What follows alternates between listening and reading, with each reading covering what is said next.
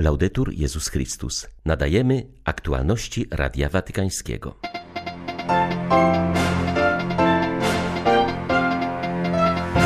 Chrześcijanie wschodni obchodzą dziś Boże Narodzenie.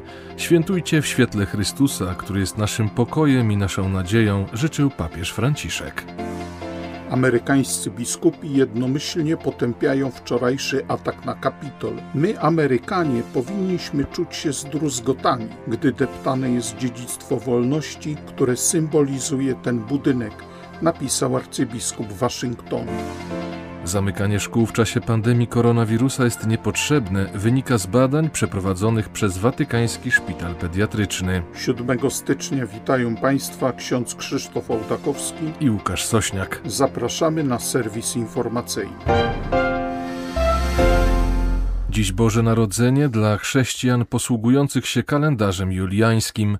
Papież wspomina o nich na Twitterze. Z miłością zwracam się do braci i sióstr kościołów wschodnich, katolickich i prawosławnych, którzy dzisiaj świętują narodziny Pana.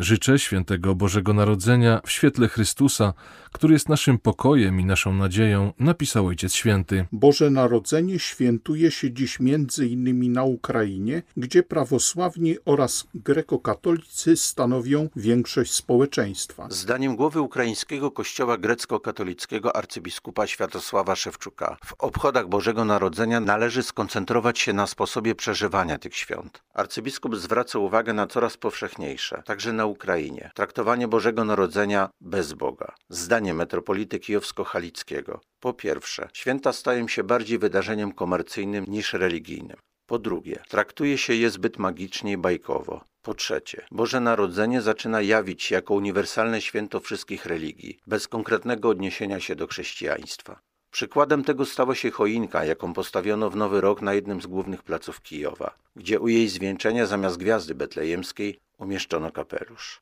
W wywiadzie, jakiego udzielił arcybiskup Szewczuk tuż przed styczniowymi świętami Bożego Narodzenia, metropolita zwrócił uwagę Ukraińców, aby w toczącej się dyskusji o dacie Bożego Narodzenia nie chodziło bynajmniej o podpięcie się do ogólnoświatowego wydarzenia o charakterze komercyjnym, ale o autentyczne Boże Narodzenie z Chrystusem znajdującym się w jego centrum. Z Ukrainy dla Radia Watykańskiego ksiądz Mariusz Krawiec, Paulista. Wszyscy pozostajemy częścią tej samej rodziny ludzkiej, która w obecnej sytuacji stała się dla nas szpitalem polowym, rodziny tworzonej także przez dom, którym jest Kościół Chrystusowy. To słowa zawarte w pozdrowieniach głowy cerkwi grecko-katolickiej arcybiskupa większego Światosława Szewczuka, skierowanych za pośrednictwem Radia Watykańskiego do wiernych Ukrainy i całego świata z okazji obchodzonej dzisiaj według kalendarza juliańskiego uroczystości Narodzenia Pańskiego. Metropolita kijowsko-halicki zwraca uwagę, że tegoroczne święta przeżywane są w kontekście pandemii, która boleśnie dotknęła cały świat. Ale Boże Narodzenie jest dla nas źródłem nadziei, ponieważ nadzieja rodzi się z wiary, a jako chrześcijanie widzimy w dzieciątku Boga, który stał się ciałem. Po pierwsze, w roku, który się zakończył, jak nigdy dotąd, zrozumieliśmy, że wszystkich nas łączy ta sama ludzka natura. Skrajny indywidualizm współczesnej kultury sprawił, że czasami wątpimy w istnienie czegoś, co łączy wszystkich ludzi.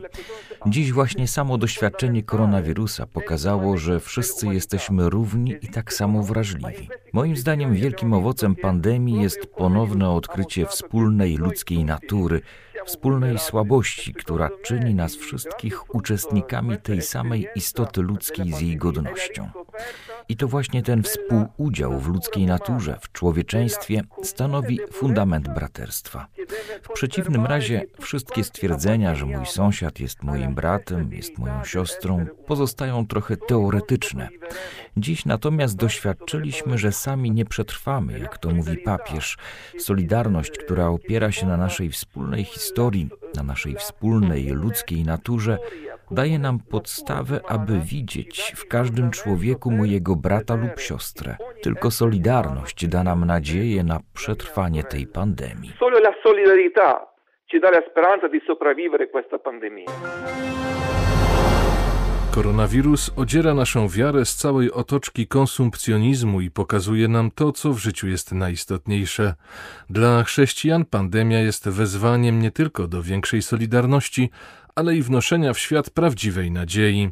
Wskazuje na to katolicki metropolita archidiecezji Matki Bożej w Moskwie z okazji przypadających dziś prawosławnych obchodów Bożego Narodzenia. Arcybiskup Paulo Pezzi podkreśla, że pandemia sprawiła, iż jak nigdy wcześniej obecne Boże Narodzenie stało się wezwaniem do umiaru i międzyludzkiej hojności.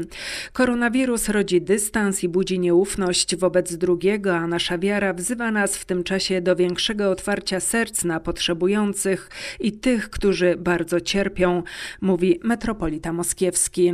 Wyznaje, że choć osobiście dość lekko przeszedł koronawirusa, to choroba była dla niego mocnym doświadczeniem. Nauczyłem się bardziej świadomie oddawać w ręce Boga. Modlitwa i celebrowanie Eucharystii zyskały na intensywności i oczyszczone zostały z wieloletniej rutyny, mówi arcybiskup Pezzi. Dodaje, że doświadczenie pandemii sprawiło, iż uczy się na nowo być bardziej wdzięcznym za to, co ma. Zauważa, że zadaniem Kościoła w tym trudnym czasie jest pomóc ludziom odkryć w sobie duchowe siły.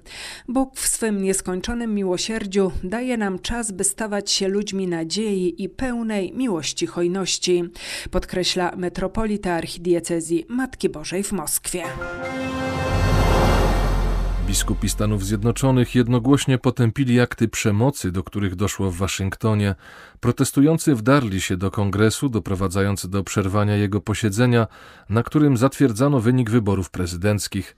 W zamieszkach zginęły cztery osoby, wiele zostało rannych. Policja aresztowała 52 demonstrantów. My, Amerykanie, powinniśmy czuć się zdruzgotani, gdy deptane jest dziedzictwo wolności, które symbolizuje ten budynek, napisał kardynał Wilton Gregory, arcybiskup Waszyngtonu. Przemoc potępił również przewodniczący episkopatu. To było bardzo nieamerykańskie. Pokojowa zmiana władzy jest jedną z cech charakterystycznych naszego narodu. W tym trudnym momencie musimy ponownie podporządkować się wartościom i zasadom demokracji i zjednoczyć jako jeden naród w imię Boga, napisał arcybiskup Jose Gomez. Zaapelował do wszystkich ludzi dobrej woli o modlitwę o pokój, a obywateli wezwał do powstrzymania przemocy. Zauważył, że wszyscy jesteśmy zobowiązani do uznania ludzkiej godności osób, z którymi się nie zgadzamy i współpracy z nimi dla dobra ogółu. Z kolei arcybiskup Chicago, kardynał Blaise Kupicz, wydarzenia na Kapitolu określił mianem hańby narodowej. Przemoc, której jesteśmy świadkami, powinna szokować każdego amerykańskiego patriotę i katolika. Oczy świata spoglądają na to, jak sami depczemy wartości najważniejsze dla naszego narodu, napisał hierarcha w jednym z serii tweetów. W Waszyngtonie do 21 stycznia, czyli do pierwszego dnia po zaprzysiężeniu Joe Bidena, będzie obowiązywał stan wyjątkowy. Władze obawiają się, że to nie koniec zamieszek. Przewidują, że do starć może dochodzić także w innych częściach miasta. 500. rocznicę ekskomuniki Marcina Lutra ukazało się nowe tłumaczenie na język włoski wspólnej deklaracji o usprawiedliwieniu, podpisanej przez katolików i luteran w Augsburgu w 1999 roku. Tekst stanowił decydujący krok w dialogu między katolikami a luteranami – doprowadził do przezwyciężenia najpoważniejszej różnicy pomiędzy tymi dwoma kościołami, a mianowicie kwestii usprawiedliwienia. Najnowsze wydanie, uaktualnione i poprawione, przygotowała papieska Rada do spraw popierania jedności chrześcijan i Światowa Federacja Luterańska. Celem publikacji jest propagowanie tego historycznego dokumentu ekumenicznego i jego dalszego odbioru. Tekst ukazał się w dniu, w którym katolicy i luteranie obchodzą 500. rocznicę ekskomuniki Marcina Lutra.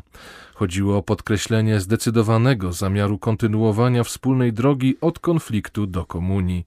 We wspólnej przedmowie do włoskiego wydania deklaracji kardynał Kurt Koch, przewodniczący papieskiej rady i ksiądz Martin Junge, sekretarz generalny Federacji Luterańskiej piszą Nie możemy cofnąć historii podziałów, ale może ona stać się częścią naszej historii pojednania. Biskup Brian Farrell, sekretarz papieskiej Rady do Spraw Popierania Jedności Chrześcijan, przed mikrofonem Radia Watykańskiego wyjaśnia, co oznacza nauka o usprawiedliwieniu.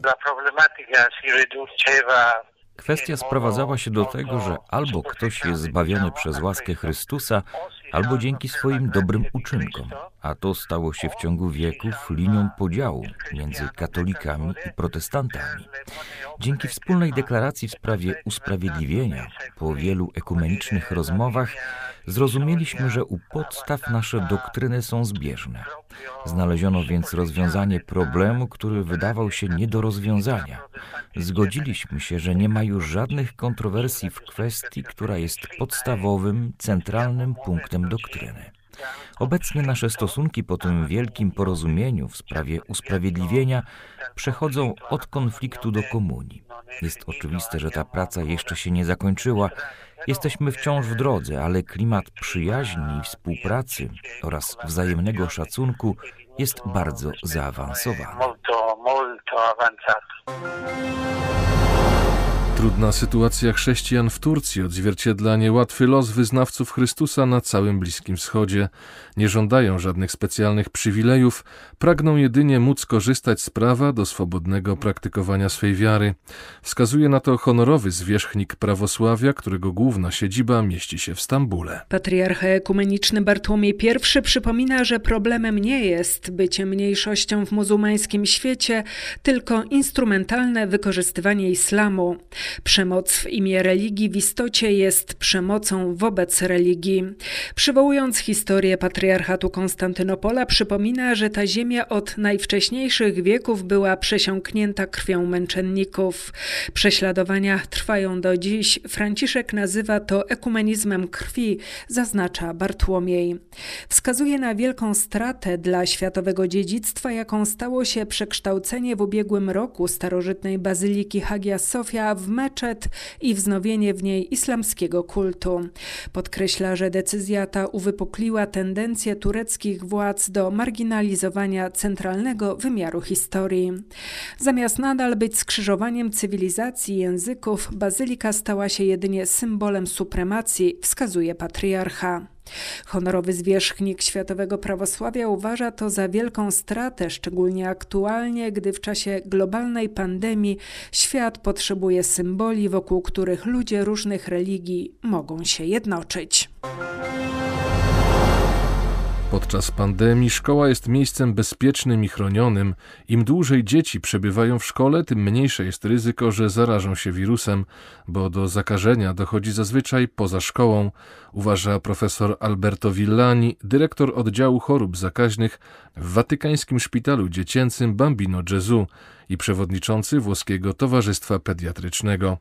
Opinie te opiera na wynikach unikalnych w skali światowej badań przeprowadzonych właśnie przez watykański szpital. Badania prowadzono w dwóch rzymskich szkołach od września do końca listopada. Obejmowały one ponad tysiąc uczniów. Wykonano niemal 3,5 tysiąca testów. Okazało się, że niemal wszystkie zakażenia miały miejsce w domu, a nie w szkole. Jeśli w szkole przebywają dzieci bez symptomów choroby, noszą maseczki i zachowują dystans społeczny, ryzyko zakażenia jest niemal zerowe, podkreśla profesor Villani. Dotyczy to również nowej angielskiej wersji wirusa, która jest bardziej zakaźna.